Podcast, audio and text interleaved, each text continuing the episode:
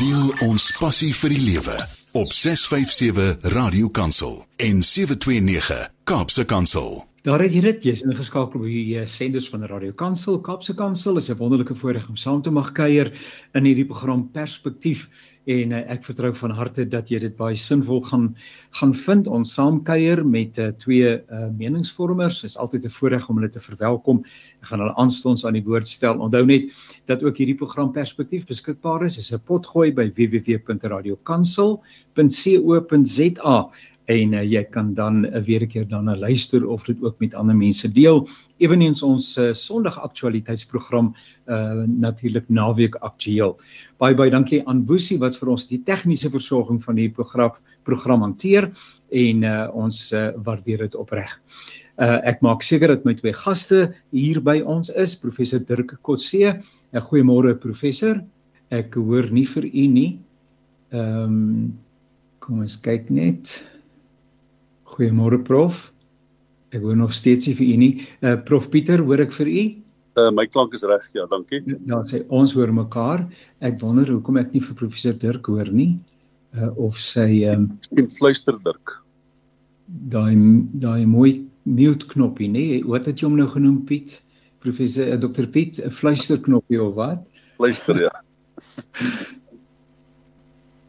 Goed, of hierdie stadium is uh, professor Dirkotse nog ehm um, ons sien vir hom en waardeer dit, uh, maar ons hoor hom nog nie so lekker nie. Ek wonder of uh, Woesie ons tegniese uh, adviseur vir ons kan help. Ek gaan intussen uh Woesie sê ek moet so lank aangaan en dan gaan hy vir professor Dirk uh ook sommer op die telefoon in die hande kry. Uh miskien professor ek sien jou weer 'n keer is uh, nog nie daar nie nê. Nee, kom ek stuur gou-gou vir Woesie in die ateljee uh, net gou-gou u nommer en uh, dan skakel hy vir een en bring hy vir die telefonies in maar ons sien mekaar nog steeds. Dis die wonder van die tegnologie. So as u vir my 'n enkele oombliekie verskoon, vertel so lank bietjie hoe gaan dit daar by jou uh Dr Piet? Uh dit was lekker koud die afgelope paar dae dit was baie koud en ek het uh verpligting hier by die Vryfees in Bloemfontein so ek het nou met 'n redelike spoed gejaag hier en toe besef ek ek sny my rieme bietjie dun. En ek het 9 minute voor uh, 11 hier by die hotel aangekom en dit net net gemaak maar ek is bly ek is ek is hier. Ek is ook baie baie dankbaar uh, dat jy uh, by ons aansluit en uh, ons gaan nou uh, vir uh, professor Dirk telefonies in die hande kry daar gaan die nommer nou en nou ja, dis deel van die tegniese uh, uitdagings wat ons het. Somstyds dan uh, is ons by mekaar en ander kere nie. Daar is professor Dirk weer. Kom ons hoor as hy nou daar nog steeds nie. Goed. Uh professor Dirk, uh, Boesie gaan vir u op die telefoon skakel. U bly aanlyn hierso, maar u gaan net op die telefoon deelneem. Dis 'n interessante wêreld waarin ons woon en uh, ek luister maar sommer net in uh, toe uh, daar vanuit die Kaap waar die nuus ingelees word uh, daar uh, ten aan die einde van die uh, van die van die nuus 'n uh, berig word daar verwys na die goudprys en die rand ensovoorts ensovoorts en dan besef mense die wêreld gaan steeds aan uh soos wat ons dit het en te midde van baie uitdagings en dies meer is dit eintlik deel van die wonder is dat die wêreld steeds aangaan.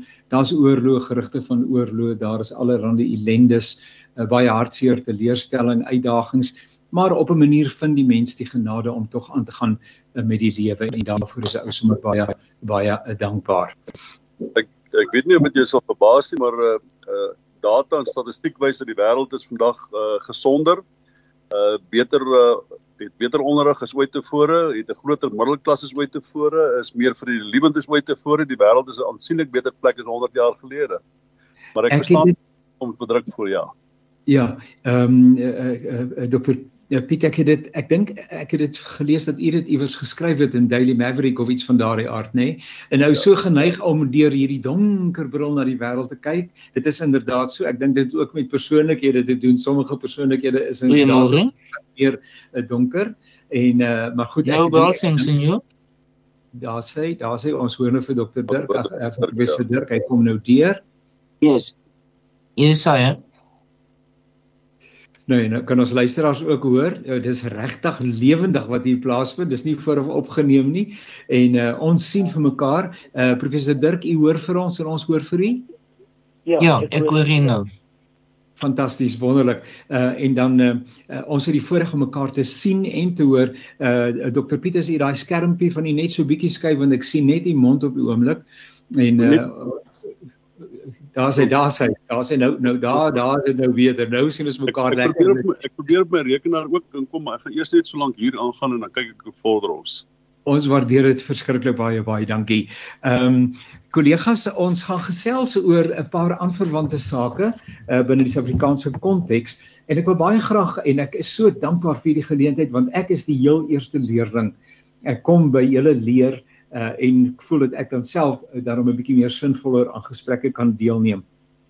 En die saak wat tans in die branding staan, uh, veral na aanleiding of na mate die uh, die internasionale kongres wat mense ook as sal noem, uh, nader skuif hier na die einde van Augustus toe, is natuurlik die hele aangeleentheid van die sogenaamde BRICS lande, BRICS verbonde lande en alles wat daarmee gepaard gaan. Uh en dan natuurlik ook uh, of meneer Putin uh die Russiese president inderdaad dit gaan bywoon midde ensovoorts ensovoorts. En nou dit dis waaroor ons vir 'n oombliekie gaan kuier. So ek gaan sommer begin by uh, professor Dirk Kotse en vir u vra uh of ehm um, of u vir ons so 'n bietjie kan inlei uh asseblief rondom die die wie en die wat en die waar en die waarom van BRICS. Waaroor gaan dit in die hele BRICS aangeleentheid? Nou, BRICS is 'n groepering van omtrent 5 lande Ehm um, dit is nou Brasilië wat waarvoor die B staan, dan Rusland, Indië, China en Suid-Afrika. Ehm um, en ek dink wat sy die die idee was aanvanklik dat ehm um, die dit 'n groepering sal wees wat 'n alternatief sal wees vir byvoorbeeld die G7 wat saaklik Europese lande en en Amerika en en Kanada is. Ehm um, en terselfdertyd ook ehm um, hoofsaaklik die westerse wêreld verteenwoordig. En dit is China en veral in Rusland gevoel dat dit 'n groepering is wat nodig is om 'n alternatief te skep. Hulle het dit nie openlik so erken dat dit wel die bedoeling is en dat hulle probeer om 'n alternatiewe vir byvoorbeeld die IMF en die Wêreldbank um, en soos ek sê die G7 ook te wees nie.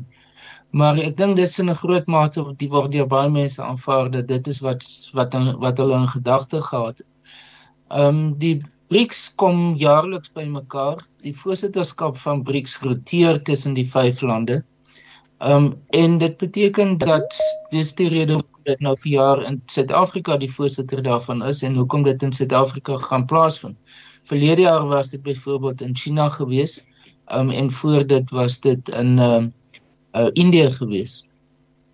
Wat ons nou sien wat deel moontlik gaan plaasvind by hierdie konferensie is dat daar meer lede toegelaat gaan word tot die uh, BRICS groepering. Dit sal miskien uiteindelik lei dat hulle ook hulle naam sal moet verander. Ehm um, maar dit lyk asof dit daar groter belangstellings nou wêreldwyd is. Lande soos byvoorbeeld die Saudi-Arabië, Bahrein, die Verenigde Arabiese Emirate, Algerië, Egipte, um in uh, Indonesië dis alles almal lande wat nou uh, in die pipeline is om moontlik deel van BRICS te word. BRICS het in die, uh, in vroeër reeds in uh, sy eie ontwikkelingsbank uh, geskep. Word genoem die nuwe ontwikkelingsbank wat in um, in Shanghai in in China gesetel is. Um en dis weer eens bedoel as 'n alternatief vir die bestaande banke veral die Wêreldbank wat as 'n ook as 'n ontwikkelingsbank op internasionale vlak funksioneer. Ehm um, die die die uh, BRICS is georganiseer in 'n verskillende klomp substrukture. Ek was gisterand by 'n geleentheid by Unisa gewees waar ehm um, wat die begin was van 'n proses van waar die BRICS voorsitter Suid-Afrika nou 'n forum skep van politieke partye en waar daar oor die 50 partye baie binnekort bymekaar gaan kom wat as politieke partye binne BRICS ehm um, gaan funksioneer. Daar's ook die besigheidsraad, raad van besighede uh, wat bestaan binne BRICS en dan staan die die raad van van dinkskrims Um, en dan daar is daar 'n akademiese forum van BRICS. So daar's 'n verskeidenheid van substrukture wat daar binne BRICS tot stand gekom het en wat almal bedoel is om soort van by te dra wat die spesifieke wat ek sou mens kan sê die sentrale fokus van BRICS is, is nie altyd baie duidelik nie. Um en ek dink wat die meeste mense sal sê is BRICS is in 'n groot mate 'n skepping van China en word in 'n groot mate deur China ook gebruik as 'n een van die metodes of een van die meganismes om aan hom 'n internasionale of 'n globale status te gee. Um spesifiek in verhouding met die FSA. So dis in baie breë terme of breë trekke wat wat die die omvang van BRICS is um, en wat die tipe van aktiwiteite is wat daar daarby te sprake is. Dr Piet, ons hoor op sommer wie nou by ons is. Ja, ek is op by julle die aangeleentheid van BRICS uh, ek ek hoor uh, vir uh, professor Dirk en uh, baie dankbaar ook vir die inligting. Ek dink nog maar net ek wonder nou want BRICS tans elkeen van daai letters staan vir 'n bepaalde land. Lopra sê professor Dirk dat daar 'n hele klomp ander ehm um, lande wat belangstelling toon en dis meer so dit sal seker herbenaam moet word uh om uiteindelik effektief te wees. Is hier 'n en en miskien ek het dit net gemis by professor Druk eh, ehm um, en nie mooi geluister nie maar is hier 'n ideologiese uh, onderbou van van oos en wes byvoorbeeld ehm um, uh, as 'n mens nou dink aan uh, Rusland en China en uh, ek praat nou van ander lande van die wêreld uh, en dan hoe rym dit met en help my as ek verkeerd is maar het Frankryk nie in die onlangse verlede belangstelling getoon om deel te word van hierdie uh, spesifieke uitgeleese groep nie Ja, ek uh, ek dink altyd as mense iets probeer verduidelik, moet jy baie versigtig wees die konsepte wat jy gebruik. As jy probeer om BRICS te verstaan as 'n ideologiese konfigurasie, uh, dink ek amper jy gaan dit verkeerd verstaan. As jy dit as 'n geopolitiese model probeer verstaan wat 'n poging is om 'n sinema minstens 'n bipolêre of 'n veelpolêre wêreld te probeer beskryf en ek dink dit is jy hoor dit dikwels by Russe, jy hoor dit dikwels by die Chinese dat hulle wil sê dis nie 'n unipolêre wêreld nie. Die ehm um, die magsmoontlikheid van die FSA domineer die wyse waarop internasionale politiek funksioneer en dat dit maak meer sin is daar diverse menings, is diverse tipe van noem dit nou maar uh, politieke konfigurasies, want selfs as jy dit magsblokke noem, wonder ek of jy nie uiteindelik langs die verkeerde weer die ding gaan verstaan nie. Ehm um, so dit is ek ek dink dis 'n dis 'n vorm van geopolitiek. Dit is dit is net so dat die meeste van die lande wat betrokke wil raak het twyfelagtige uh, jurisdiksies wat betref demokrasie. Uh en mens kan seker sê dat jy kry noem dit maar die westerse meer liberaal demokratiese state vis-à-vis -vis state wat of autoritair is of selfs uh uh kommunistiese state is soos China byvoorbeeld is. Uh maar ek dink tog die idee is dat daar is 'n vorm van mededinging in die wêreld. Daar's spesifiek ekonomiese mededinging en daar's definitief politieke mededinging in die wêreld. Uh BRICS dink ek op hierdie stadium kan 'n mens amper beter verstaan as jy net daarna kyk as 'n as 'n politieke konfigurasie eerder as 'n noem dit maar 'n 'n ekonomies of noem dit maar 'n handelsooreenkoms tussen die uh tussen uh, die lande wat buite die invloedsfeer is of die veronderstelde invloedsfeer van Europa en Amerika is. Hoewel 'n mens moet sê dat die handelsverhoudings in wat tussen syne maar Suid-Afrika en China bestaan, hoewel ons in 'n het 'n 'n 'n baie slegte handelsbalans met hulle bestaan, uh en, en met 'n baie positiewe handel handelsbalans vis-à-vis Amerika bijvoorbeeld bestaan. Uh is daar elemente van handel, maar dit bevoordeel as dit ware China. Dit is uh hulle omtrent al die lande met wie hulle handelsverhoudinge bevoordeel. Hulle moet ware te sê ek dink hulle selfs 'n positiewe handelsbalans verhouding met die FSA.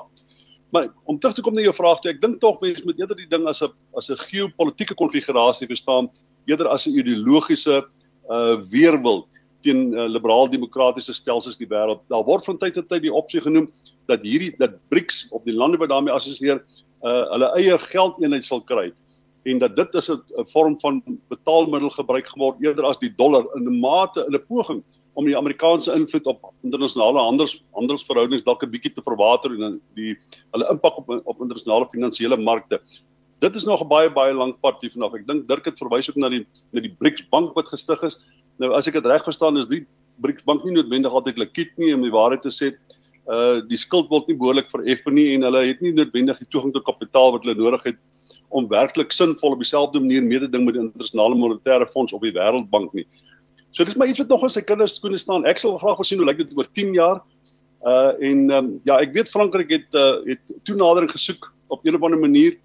Uh gegee die die uh, die konflik tussen Europa of net maar uh, Wes-Europa en die Russe is dit natuurlik die mees onvanpaste tyd denkbaar om so 'n voorstel te maak. Ek is nie heeltemal seker wat sy motivering was nie as die Russe dit interpreteer as 'n vorm van 'n poging om 'n wig in te dryf tussen China en en Rusland, dan is dit nie 'n ongeldige argument nie. Ek weet nie wat so eenvoudig is nie, maar ek ek ek dink dis dis dit dit die Russe kan dit moontlik so verstaan. En ek is dis so my algemene indruk, maar ek dink mens moet versigtig wees om om BRICS te beskou as 'n ideologiese politieke konfigurasie. Uh, met dan maar maar as sodanig is ehm um, ek vermoed ehm um, in 'n wêreld waarin 'n uh, kapitalistiese uh, vertrek benaamlik dat daar kompetisie is, dat daar 'n uh, teenaanbod is, dat een party nie alles domineer uh, ensovoorts en so aan die uh, professor Dirk en Piet is is BRICS as sodanig nie 'n negatiewe uh, ontwikkeling of iets waaroor ou bekommerd moet wees of waarin 'n ou 'n bepaalde agenda moet raak lees uh, byvoorbeeld nie. Dit bring balans in 'n wêreld waarin vraag en aanbod uh, tog uiteindelik die die die groot rol speel. Ja, ja ek, ek dink as 'n mens kyk na na die internasionale situasie nou begin dit baie meer ehm um, divers van aard word. Ja. Ehm um, en ons het aan die een kant die twee twee groot blokke, die ooste en die weste, maar terselfdertyd ook noord en suid. Ehm um, en byvoorbeeld Suid-Afrika definieer hom baie dikwels in terme van die sy posisie in die globale suide. Ehm um, as 'n ontwikkelende land ook. China doen dieselfde hoewel hulle eintlik in die noordelike halfrond is. So dit gaan nie oor 'n geografiese noord of suid nie, maar amper meer van 'n posisie 'n globale posisionering. Um dit terselfdertyd is daar die verskillende regionale organisasies, byvoorbeeld Brasilië is deel van Mercosur waar die Suid-Amerikaanse of Latyns-Amerikaanse 'n uh, uh, ekonomiese gemeenskap is. Aan die, aan ons kant is daar die Afrika Unie en dan binne die Afrika Unie is daar nog 5 sub streeksgroeperings soos SADC, die Suid-Afrikaanse Ontwik Suider-Afrikaanse Ontwikkelingsgemeenskap, selfde vir Oos-Afrika, selfde vir Wes-Afrika, selfde vir Sentraal-Afrika en Noord-Afrika. Ehm um, dan het ons die groeperings soos die beweging van onverbonde lande wat teruggaan na die 1950s toe um met die Bandung konferensie en wat en dan in die 1960s wat dit amptelik gevorm is as 'n groepering wat veronderstel was om tussen die ooste en die weste te staan. Dan het ons NAVO, die Europese Unie, so die Shanghai Ontwikkelingskoöperasie wat veral gefokus is op op uh, China en tot 'n mate Rusland het sy eie ekonomiese gemeenskap nou gevorm wat 'n soort van op dieselfde basis as die Europese Unie maar net wat op 'n lae vlak van integrasie. So daar's wat ek eintlik probeer sê, daar's 'n absolute veelheid van organisasies en groeperings wat bestaan. Baie van hulle oorvleuel met mekaar. Um, en BRICS is veronderstel om in vir homself 'n posisie of 'n status tussen hierdie verskillende groeperings te kan identifiseer om eintlik 'n niche definisie vir homself te kan gee. En ek is nie baie seker dat hulle dit wel gedoen het tot dusver nie. Um dis nie baie duidelik wat spesifiek die die verenigende faktor binne BRICS is nie, want dit is aan die een kant China en Rusland, aan die ander kant Brasilië. Heeltemal aan die ander kant is Indië wat op hierdie baie dikwels nog steeds in 'n in 'n aktiewe konflik met China betrokke is in terme van territoriale probleme wat daar bestaan en verlede jaar byvoorbeeld is 'n hele paar honderd troepe aan albei kante doodgeskiet in in hierdie is amper iets soos Kashmir tussen Indië en Pakistan. So dit is dis hoekom ek sê dit is 'n uh, dis 'n baie moeilik definieerbare groepering en hoe groter dit gaan word as met meer partye wat gaan bykom lande, hoe meer gaan dit moeilik wees om dit te kan sê wat dit is die sa die gemeenskaplike faktor tussen al hierdie verskillende lande. So ons sal moet sien. Ons sal moet sien hoe dit gaan ontwikkel oor tyd. Maar dit is dit die die feit dat dit 'n groepering is wat byvoorbeeld Suid-Afrika is uitgenooi deur China om lid te word van BRICS voor dit was net BRIC geweest. Um en dis 'n dis 'n konsep wat uh, oor tyd eintlik binne die Amerikaanse finansiële uh, analise ge, uh, omgewing tot stand gekom het. Dis dit dis dis 'n 'n skepping wat wat nie noodwendig aanvanklik deur die Chinese gekonseptualiseer is nie.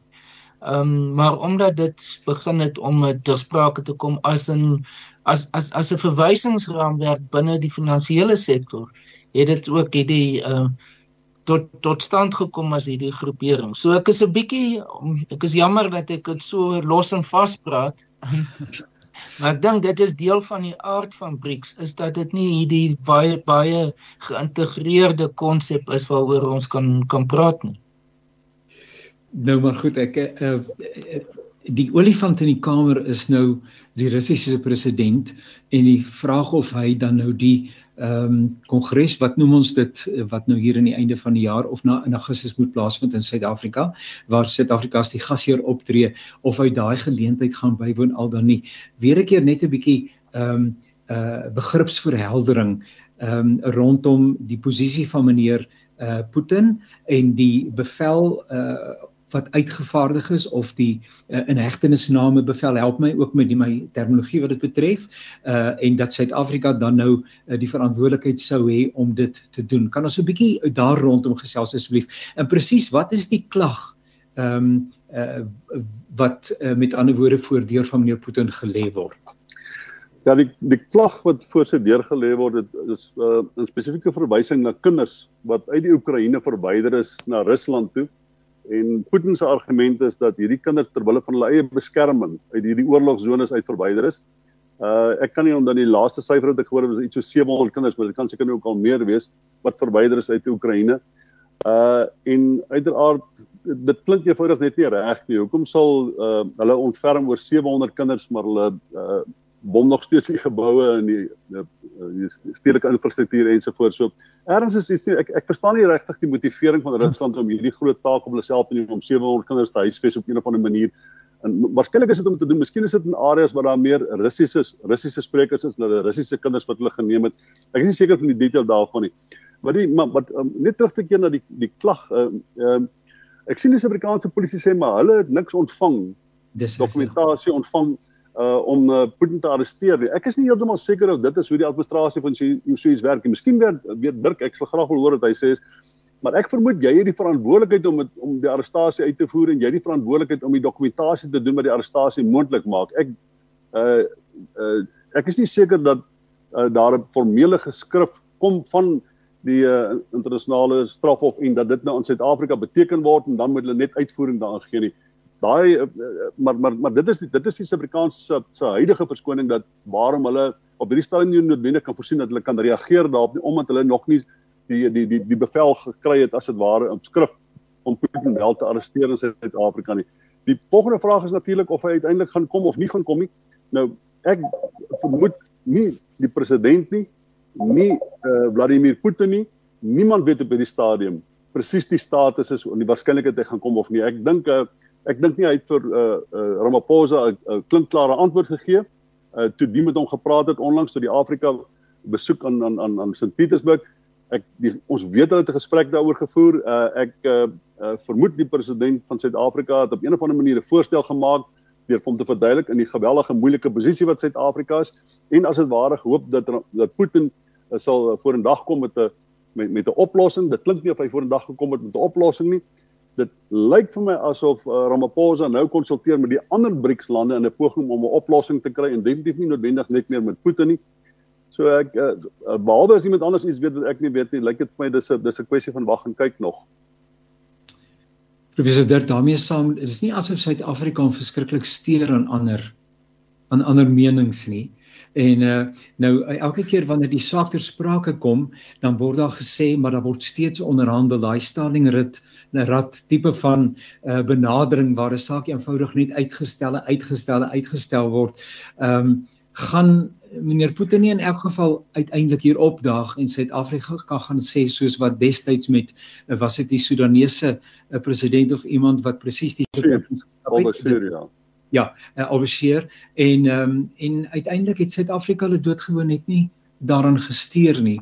Wat sou die implikasie ook daarvan wees? Sou meneer Putin in elk geval na Suid-Afrika toe kom, professor Dirk en Piet, uh, eh, Dr Piet, ehm um, uh, en en uh ook wat die AGOA byeenkomste is dit is dit nie regtig so verskriklik belangrik nie? Of uh, het Suid-Afrika daai houding van weet jy julle julle kan ons nie seermaak nie ons kom in elk geval aan die ander kant uit. Ek, ek probeer maar wonder wat wat is hier aan die gebeur? As, as ek miskien kan praat oor die situasie van president Putin um, op hierdie stadium lyk dit vir my asof hy die standpunt inneem dat hy wil nie toegee om nie na Suid-Afrika toe te kom nie want dit sal lyk dat hy onder druk swig dat hy swak lyk um, uit sy eie perspektief. En gegee die omstandighede van nou baie onlangs toe die uh, die Wagner groep uh en dit is dis onduidelik wat hulle presies gedoen het of dit 'n opstand was en of dit 'n rebellie was en of dit 'n poging tot 'n staatsgreep was wat dit hoors waarskynlik nie gepoog was om te wees nie. Ja. Uh, maar dit skep 'n gevoel van onsekerheid vir president Putin. Ehm um, so die dis hoogs onwaarskynlik dat hy op hierdie stadium na enige land sal gaan om om Rusland om enige omstandighede te verlaat omdat dit sy posisie in Rusland dan kwesbaar sal maak. Ehm um, ja. want hy weet nie hy het nie regtig persone wat sy status kan beskerm terwyl hy nie daar is nie. Wat sy presidentskap sal kan beskerm nie. Dit lyk asof hy daar 'n groot mate van onsekerheid is wat in die topstruktuur van die Russiese regeringskader op die oomblik plaasvind. Tussen die tussen die minister van verdediging byvoorbeeld wat blykbaar baie naby aan president Putin beweeg, die hoof van die die stafhoof van die weermag daar en dan iemand soos die die uh, die Wagner groep en Prigozhin uh, Prigozhin wat wat die die leidende persoon daar is en wat onseker is waar hy is of in St Petersburg is of in Belarus of iewers anders in Rusland. So dit skep 'n groot mate van onsekerheid. Blykbaar in die geval van president Putin is daar verskeie vlakke van sekuriteit wat hy ingestel het om homself te kan verskans teen hierdie tipe van uh moontlike uitdagings dit sal hy nie in Suid-Afrika in stand kan hou nie. Hy sal nie daardie selfde tipe van sekuriteit kan verseker nie. So dit op sigself, net as 'n enkele faktor, dink ek is 'n belangrike faktor wat in wat hy self gaan in ag neem. Ons sien die die Chinese president doen presies dieselfde en voordat hy herkies is as president by die laaste Chinese kommunistiese party kongres het hy glad nie beweeg buite uh, China nie. So dit dis die die denkraamwerk of die die denkgees wat daar in by persone soos hulle op die oomblik bestaan. Maar terselfdertyd wil president Putin nie die indruk skep dat hy onder die druk van president Ramaphosa gaan toegee nie. So die enigste land wat werklik hom kan druk om te sê wel jy gaan moenie Suid-Afrika toe gaan nie is die Chinese. Want die Chinese is die is die hoofparty in die BRICS groepering. So ek dink wat besig is om plaas te vind is president Ramaphosa is besig om eintlik te onderhandel met die Chinese oor wat die werklike toekoms gaan wees. En dis hoekom daar baie onlangs was daar byvoorbeeld 'n ANC afvaardiging van die nasionale uitvoerende komitee onder leiding van die sekretaris-generaal Fikile Mbalula in China gewees. En ander Suid-Afrikaners wat op 'n ander besoek daar was met wie ek direk gepraat het, was almal daar by mekaar. So daar was daar's duidelike dialoog of 'n gesprek besig om plaas te vind met die Chinese oor bilaterale verhoudings, maar ook oor hoe om hierdie situasie rondom BRICS te uiteindelik te kan hanteer. Dit gaan baie interessant wees om te sien wat werklik uiteindelik gaan plaasvind. In die geval van die hof, die internasionale strafhof, Soos ek dit verstaan, ek het met mense by Dirkou gepraat wat die hoofregsadviseurs daar is, is is die die uh die bekendmaking van die um aanklag teen president Putin is aan alle lede bekend gemaak van die hof. So dis nie 'n spesifieke dokumentasie wat na spesifieke lande gestuur word nie. Dis 'n algemene bekendmaking wat beteken dat enigiemand van die lede van die omtrent 120 lede van die hof het die het het, het die verpligting om hom te arresteer as hy om een of ander rede naby hulle kom. En dit sluit Suid-Afrika in. Um en die hofsaak van 2015 wat oorgeloop het na 2017 oor die Al-Bashir saak wat uiteindelik geëindig het in die Appelhof hier in Suid-Afrika, het dit baie duidelik gemaak. En persone soos byvoorbeeld uh, professor Direk Kladi wat by Universiteit van Pretoria is wat die voorsteur is van die internasionale regskommissie van die VN en wat op die oomblik besig is of, of in lyn is om in te staan as 'n regter in die internasionale geregshof, nie die strafhof nie, maar die geregshof. Sy standpunt is presies dit. En dit is dat en hy het die advies gegee aan die regering dat die regering het die verantwoordelikheid of die verpligting om president Putin te arresteer. En daar's op die oomblik geen ander regsposisie as dit nie. En dit is die komplikasie wat daar bestaan. Die regering weet dit, kabinet weet dit. Van alle kante binne die regering is dit die regsadvies wat hulle gekry het. Um en hulle probeer nou op 'n soort van 'n politieke manier dit te bewimpel om te sien hoe hulle uit hierdie situasie gaan uitkom. En ek dink dis die komplikasie wat ons alles sien en hoekom daar nie 'n 'n reguit lyn is in die on, uh, in die verduideliking nie is as gevolg van die feit dat dis die die Putin sensitiwiteit versus die Suid-Afrikaanse kopseer dat hulle in 'n hoek gedryf is in regsterme. Maar Janie, dit is ook nou as jy nou mooi luister na Dirk, dan het jy ook nou die antwoord op jou vraag of Suid-Afrika net nie omgee nie. Dit is eenvoudig nie waar nie. Hierdie uh gesprekke vind plaas op 'n manier wat mense nie noodwendig elke dag in die media sien nie en mense half onbewus is wat die detail daarvan is. Maar soos met AGOA, is daar geen twyfel by my dat die Suid-Afrikaanse regering daadwerklik probeer om 'n oplossing vir baie moeilike goed te kry nie. Ehm um, ek ek ek wonder net wat die Chinese en en en en, um, en Putin betref. Ek weet die gesprekke was aanvanklik geweest oor die waarskynlikheid om die BRICS ooreenkoms of die BRICS vergadering te skuif na China toe of na ja. een van enige van die ander lande toe. Ek is nie 100% seker dat Ramaphosa die die lyn sal neem van as ek nou amper soos ander die benaging kan praat, hy sê mos hy hy neem die lyn so of hy die lyn sal neem om vir hom te sê maar kan jy druk sit op Putin om nie na Suid-Afrika toe te kom nie. Ek ek is nie seker dat dit dat dit die die aard is van die manier hoe hy oor hierdie goed sal sal dink nie. Maar hoe dit ook al sê, dis inderdaad sodat die Chinese is die is die is die primêre party en het die vermoë om iets te doen in die saak. Het sy met Putin te praat of om te sê okay goed ons hou vir jaar BRICS by ons. Uh want uh, hoewel ek weet ek dink uh, uh, Dirk as ek reg het wat Putin was China toe byvoorbeeld gewees so ruk terug. So dis nie asof hulle glad nie reis tussen mekaar nie. Ek dink uh, ek dink byvoorbeeld uh, Xi Jinping voel aansienlik meer veilig as wat Putin voel. Rondom Putin het jy wat wat hulle noem die, die Russe noem die Siloviki. Dis die security cluster van mense. Dis nou die FSB en die en die hoof van die weermag en die polisie en die sekuriteitsdiens al daai goed is reg rondom hom en die groot vraag sal wees in watter mate voel Putin veilig wat mhm. betref hierdie silowietjie van mense wat rondom hom is. Uh en ehm um, van hierdie mense is al gearresteer onlangs van hulle is ondervra som soms verdwyn hulle vir 'n ruk lank van die openbare toneel af en as jy daai goed mooi kan karteer soos wat die Amerikaanse uh inligtingdien baie baie goed gedoen het dan kan jy 'n volledige besef omtrent van hoe veilig behoort hy te voel? Watter van hierdie mense is hy onseker oor? Watter van kan hy onseker oor voel? Watter van hulle het opgetree op 'n een of ander manier wat by hom 'n onveilige gevoel kan skep?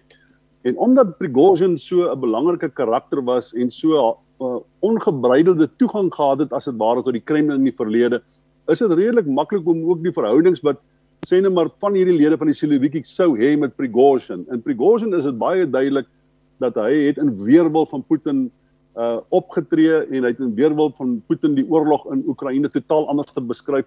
Wat het toe hy gesê het maar die oorlog is nie vir dieselfde motiverings as wat aangevoer word nie, was dit nie om uh teen Rusland te aksie te hê nie, dit was nie om teen uh die hoof van die weermag noodwendig aksie. Hy het spesifiek van Putin gepraat want Putin is die een wat die narratief verkoop van wat is die motiverings vir hierdie oorlog. So daar's duidelik tussen hulle twee spanning en baie van die lede van die Siloviki kon 'n mens twyfel oor gehad het watter mate het hulle die tipe verhouding met Prigozhin wat uh wat wat wat Putin sal sien weer agter maak. Ek is beteken dink ek wanneer ons sê maar hy kan nie die land verlaat nie want hy voel onveilig is ek net bang dat ons hierdie tipe hierdie Afrika scenario het van 'n Afrika president wat nie die land kan verlaat nie want die oomblik wat hy loop dis daar 'n coup d'etat. Uh ek is nie heeltemal seker of dit gerepliseer kan word in terme van die situasie van Putin en dat hy noodwendig vrees om die land te verlaat omdat hy dink daar sal 'n verwerping van sy van sy orde wees nie. Uh maar maar dit is dit dit is moontlik. Dit is baie moontlik, maar ek dink ek dink eerlikwaar dat die die die die die weerstand teen hom uh sal van so aard wees dat hy waarskynlik daar moet wees indien uh die intensie om sy mag te ondermyn uh um na vore kom. Ek dink nie die russe werk op 'n manier waar wag as hy weg is, dan gaan ons hom nou lekker ondergrawe nie. Ek vermoed dit gaan right in die face wees as hulle besluit uh of daar genoegsame steun is onder hierdie onder, onder die Siloviki of waar die uh, gesag ook al vandaan kom dat Putin is nie die regte persoon vir die vir vir vir, vir, vir uh, om die president van Rusland te wees nie. They, they will they'll call him in and tell him it's over up. It's time is up. Time to go. Nou ja, dis multifunksioneel of multifacettig, nê, nee, wat is die regte woord? Uh, al die verskillende dinge wat uh, uh, wat 'n deel vorm van die hele scenario en van die hele narratief. Ons moet vir 'n oombliekie net breek vir 'n musieksnit. Ons gaan luister na Something Holy uh, van Stellar Kart. So moet asseblief nie weggaan nie luisteraars en uh, ook my gaste uh, uh, moet asseblief nie weggaan nie. Ons luister na hierdie lied Something Holy van Stellar Kart. Baie dankie Woesie. Gee jou geloof vleuels. Ontdek die lewe saam met 657 AM. 'n Voorreg om saam te kuier op die senders van Radio Kansel. My naam is Janie Pelser. Hierdie program se naam is Perspektief. Ons gesels oor 'n paar aanverwante sake wat tans in die media is en daar's altyd iets baie interessant besig om te gebeur binne die Suid-Afrikaanse konteks en opset. Uh, daar's nooit 'n vervelige oomblik nie. Meestal is dit ontstellend van aard, maar ten minste is dit nie verveeldig nie.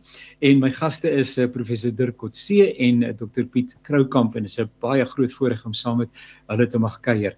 Kan ek 'n bietjie nader kom aan die huis? Ons is eintlik maar by die huis, maar ehm um, uh, ons het nou meneer Putin en sy uitdagings gehad, maar ons het ook bepaalde uitdagings in Suid-Afrika en in die afgelope week of wat uh, is daar nou weer verskeie vragmotors uh, en hierdie slag nie net op die N3 nie, maar op verskeie ander plekke aan die brand gesteek.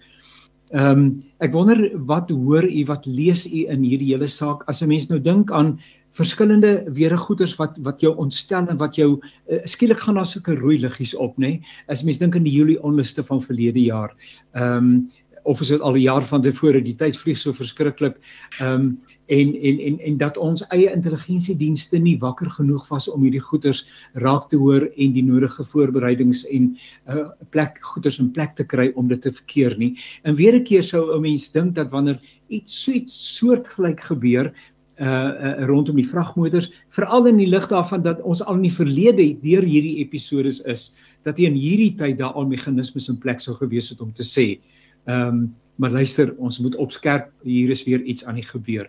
Help asseblief uh, uh, prof, uh professor Dirk en uh, dokter Piet. Ehm um, is ons aan die slaap of kan 'n mens die goed doodgewoon het nie? Is dit te veel verwag dat dat, dat ons uh, intelligensie en ons beskermingsdienste en dis meer en dis meer uh hierdie goed se sou kon ondervang. Wel as ek kan begin, ek wil net sê uh wat as jy dink die intelligensie moet betrokke wees, dan maak jy die veronderstelling dat dit noodwendig net krimineel is wat hier gebeur. Maar ek dink dis dis waarskynlik bietjie meer gekompliseer en die ander ding is om te argumenteer dat dit noodwendig verband hou met dit gebeur het in 20 Julie 2021 is waarskynlik ook half kan dit kan jou mislei op jou soeke na die begrip daarvan. As jy kyk hoe die taxi bedryf in Suid-Afrika, kom ek as 'n voorbeeld. Ja. Die taxi bedryf funksioneer. Hulle okkupeer die totale waardeketting van logistieke transport. 63% van elke mens wat elke dag in 'n uh, van een punt na 'n volgende punt beweeg word deur die taxi bedryf uh uh uh um vervoer. En hulle hou daai waardeketting as dit ware in stand met die proposisie van geweld. Hulle reguleer dit intern. Hulle weet wie die rolspelers is, wie gebruik watter roetes, wie beheer watter staanplekke, wie is in watter provinsies bepaalde uh, dominante karakter. Die ding word baie goed bestendig gestabiliseer met die opsie van geweld. Daar so elke week is daar een of twee taxi bases wat doodgeskiet word, partykeer elke tweede week. Dit is net om seker te maak dat ons almal weet presies waar ons staan in terme van ons verhouding binne in die waardeketting van vervoer in Suid-Afrika. En toe het jy gekry in die Wes-Kaap maar ook in ander dele van Suid-Afrika is die die spoorvervoer is omtrent totaal vernietig gewees. Hm. Nou en die daai passasiers is almal na die taxi bedryf toe. So ons weet reeds dat die geweld wat in die spoorbedryf plaasgevind het was 'n beskerming van die waardeketting van die logistieke vervoer van passasiers in Suid-Afrika. En baie van die mense in die taxi bedryf is kaders wat binne die ANC betrokke is. Ek verbind nie noodwendig hulle in die ANC nie, maar dis uh bemagtigingskontrakteurs en kaders in die ANC. So dis mense, dis nie kriminele nie. Dis mense wat binne in die formele ekonomie, hulle probeer die informele ekonomie word een vlak opgeskuif na die waardeketting van die formele ekonomie van die logistieke transport en vervoer in Suid-Afrika. Hulle funksioneer daar, hulle is familie van familie van binne van ANC-lede, dit's normale ANC-lede, maar wanneer daar 'n misverstand is oor hoe die waardeketting, die monopolie by waardeketting bestuur word, dan is daar die proposisie van geweld om seker te maak dat ons almal net eenvoudig weer weet waar is ons rol in die in die waardeketting. Nou wat nou gebeur met die met die voertuie met die trokke is min of meer presies dieselfde verskynsel. Ek baie hier hier's absoluut duisende trokke. 83% van nee, dink 93% van alle uh goed wat in Suid-Afrika vervoer word word nou vervoer met trokke. Baie van hierdie ouens wat hierdie trokke besit, 'n klein maatskappye gestig en hulle het as dit ware uh tenders gekry by myngroepe en by Eskom om sê net maar steenkool te vervoer, maar gaan te vervoer of wat ook al vervoer word. So hulle het die vermoë in hierdie ruimte van bemagtiging om in die waardeketting van die formele ekonomie te funksioneer. Wat nou besig is om te gebeur die, in die in die taxi bedryf het hulle reeds redelik uitgesorteer. Ons weet presies wie beheer watter area, watter staanplek, watter assosiasie ensovoorts. Maar hierdie uh, verhouding binne in die formele waardeketting van uh, uh, van vragmotorvervoer, die is nog nie behoorlik gevestig nie. Hulle is nog besig om hierdie ding uit te sorteer. Jy sê omdat die treine is gebrand, nou word die trokke gebrand. Ehm uh, dit is omdat die assassination of die die die die ehm uh, ja, ja, maar die uit wat is assassination die sluipskutter voor manier om dinge uit te sorteer is nog nie heeltemal so so goed gewerk het in die, in die, in die taxi vervoer is nie heeltemal van toepassing nog onder in die in die in die in die in die, die, die vragmotor vervoer nie. Maar wat jy kan doen is jy kan wanneer van hierdie voertuie beweeg in 'n area wat jy beskou as waar jy 'n monopolie het, dan brand jy die trokke daar en op so 'n manier is 'n vorm van informele regulering wat plaasvind. Ek kan voorsien dat oor oor 5 of 6 jaar sal die ding bestendig word en jy sal van tyd tot tyd sal jy trokbrandery kry wanneer iemand onkundig op 'n op 'n roete beweeg waar hy nie moet wees nie of wanneer daar nuwe mededingers na vore kom en hulle probeer om bestaande uh noem dit nou maar strongmen op daai bepaalde areas en roetes en industrie wat daar wat daar probeer inbreek maak dat daar nog 'n bietjie geweld gaan wees. Maar wat jy hier sien is wanneer die informele politieke ekonomie uh opskuif na die waardeketting van die formele ekonomie.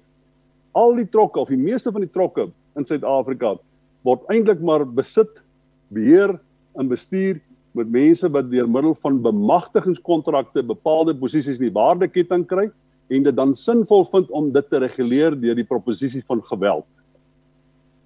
Professor Dirkmar, is dit nie suiwer misdadigheid nie? Nee, nee, dit is nie misdaad nie. As jy net misdaad, as jy dit net misdaad noem, gaan jy dit nie reg verstaan nie. Die triek is om die woorde te gebruik wat jou groter begrip gee wat gee wat vir wat gebeur. Hierdie goed is volledig legitiem.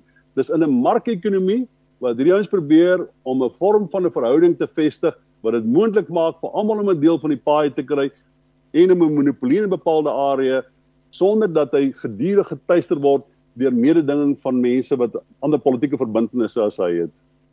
Ek wil amper sê help eh, professor Dirk help asseblief. professor Dirk. ja, ek ek stem Dit is saam met met Piet se interpretasie. Ehm um, ek ek dink die die taxi bedryf het vir ons 'n goeie idee gegee van hoe hierdie dinamika werk. Ek dink die geval van dit vragmotors of die vervoer van van vrag deur via vragmotors raak dit is daar 'n paar ekstra komplikasies. Die een is wat ons in die verlede van gehoor het dat dit ook gaan oor buitelanders.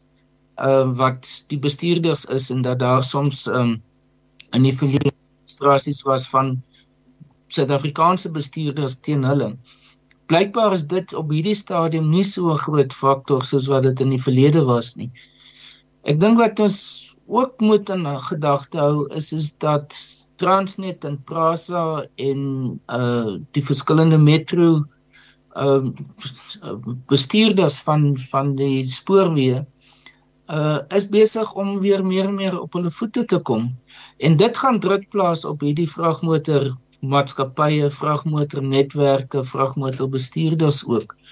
Um en ek ek dink op op 'n stadium gaan ons sien dat daar werklik 'n in in soos in Engels sê 'n stand-off gaan ontwikkel tussen die spoorwegstelsels en spoorwegbedryf en die vragmotorbedryf want dit gaan as 'n mens op die meeste groot roetes is begin dit in 'n vraagstuk word van wat een van die twee is verkieslik. Ek was byvoorbeeld vroeër in Kraddock gewees. In Kraddock is op die dink as die N12 of een van daardie roetes vanaf Koelsberg wat uiteindelik Port Elizabeth toe gaan.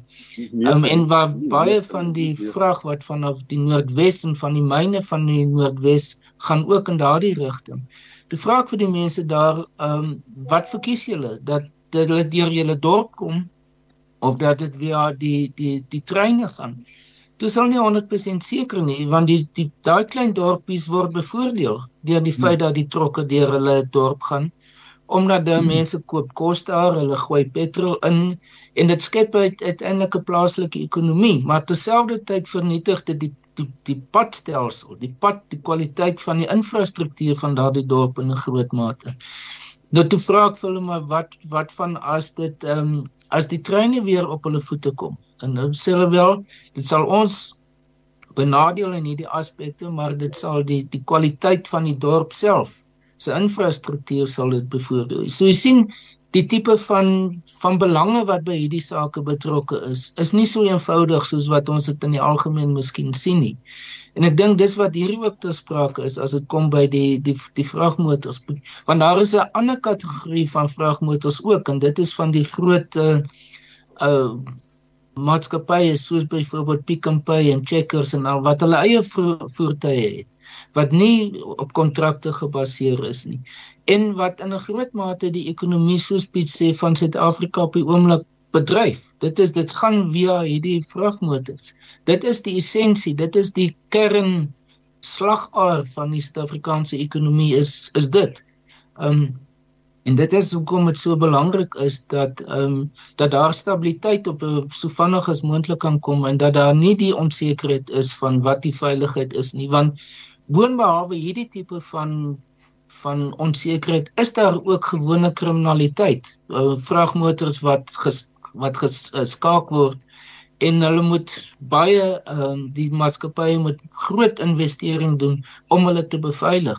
So dit is 'n aspek wat wat 'n baie spesifieke impak op die op die ekonomie in die algemeen het. Janie ehm um, uh, uh soos vir die taxi bedryf het as dit ware uh die die die reg om te reguleer, logistiek te uh, reguleer, het hulle by die staat gevat en hulle hulle doen dit nou self, né? Ek weet nie van een of ander industrie wat uh noem dit nou maar strongman in die informele ekonomie daarin geslaag het om 'n bepaalde industrie te monopoliseer by die staat weer kon terugvat nie. Transnet en Spoornet sal uiteindelik dan moet slaag om om weer hierdie industrie weer te okkupeer, weer terug te vat by mense wat die proposisie van geweld het ek kan nie dink dat dit ooit gaan gebeur nie. So wat Transnet is voor net nou gaan sê is kom ons privatiseer dit. Ons skuif die verantwoordelikheid van uh uh hierdie funksie na die privaat sektor toe. En en dan gaan die privaat sektor gaan twee opsies hê. En ons het gesien met taxi bedryf. Hulle moet of met hierdie opportunistiese akteurs moet hulle verhoudings aangaan, bemagtigings uh, verhoudings aangaan wat geweldig voordeel finansiëel is vir vir hierdie ouens of hulle moet geweldig paramilitêre tipe van veiligheid kry om wel 'n bepaalde areas te funksioneer. Dis die enigste twee opsies wat jy gaan nie weer dit afvat by hulle nie. Jy kan net met hulle in 'n verhouding gaan wat hulle 'n bepaalde voordeel gee of materieel voordeel of voordeel om die industrie te beheer. So ehm um, ek, ek sien nie dat daar 'n uh, Transnet en Spoornet ooit weer soos in die heyday gaan wees wat jy trokke gaan kry met Transnet en Spoornet en wat staat met die staat geassieer word nie. Ek dink tot tyd terwyl ons die groot probleem opgelos het is uh is ons voorlande. Dit is die die informele ekonomie betree die waardeketting van die formele ekonomie en hulle hou 'n gun teen jou kop. Of hulle die vermoë om jou trok te brand of hulle die vermoë om jou jy sal onthou hier in die 80s, 90s daarom het die taxi baase hulle ontken dis hulle maar hulle het so daar by die uh, in die by die by die spoorwegstasies in die Kaap 'n paar keer geskiet. Die volgende dag is daar nie enkele mense by trein, hulle ry nou almal taxi. So daar's diverse maniere om die probleem op te los. Ek kan nie dink dat die staat die vermoë het om ooit weer die beheer wat akteurs in die informele ekonomie kry, dit weer terug te neem. En die belangrike ding hiervan is dat jy moet onthou dat die meeste van hierdie mense wat hier funksioneer is nie kriminele nie. Jy kan nie naderdraai van dit wat hulle doen as kriminele beskou, maar baie van hulle is doodgewone goeie burgers wat geld probeer maak deur 'n monopolie in 'n bepaalde waardeketting te vestig. Dis mense wat ek en jy waarskynlik ken. Nou ja, daarmee sal ons moet volstaan en nou hoor ek uh, dokter uh, Piet wil nie vir my die woord misdadigers en kriminele toegee nie. Hy gebruik die woord op opportunistiese akteurs. So ons gaan daarmee volstaan vandag. Uh, opportunistiese akteurs. Uh dit is so lekker om julle te kuier. Ek wens ons het nog 'n hele uur, maar ons gaan dit weer doen. Baie baie seën vir die uh dokter Piet Kroukamp en professor Dirk Coetzee vir die deelname en uh, dan ook aan Boesie vir die tegniese versorging van die program. Uh, tot 'n volgende keer alles wat mooi is. Deel ons passie vir die lewe op 657 Radio Kansel en 729 Kaapse Kansel.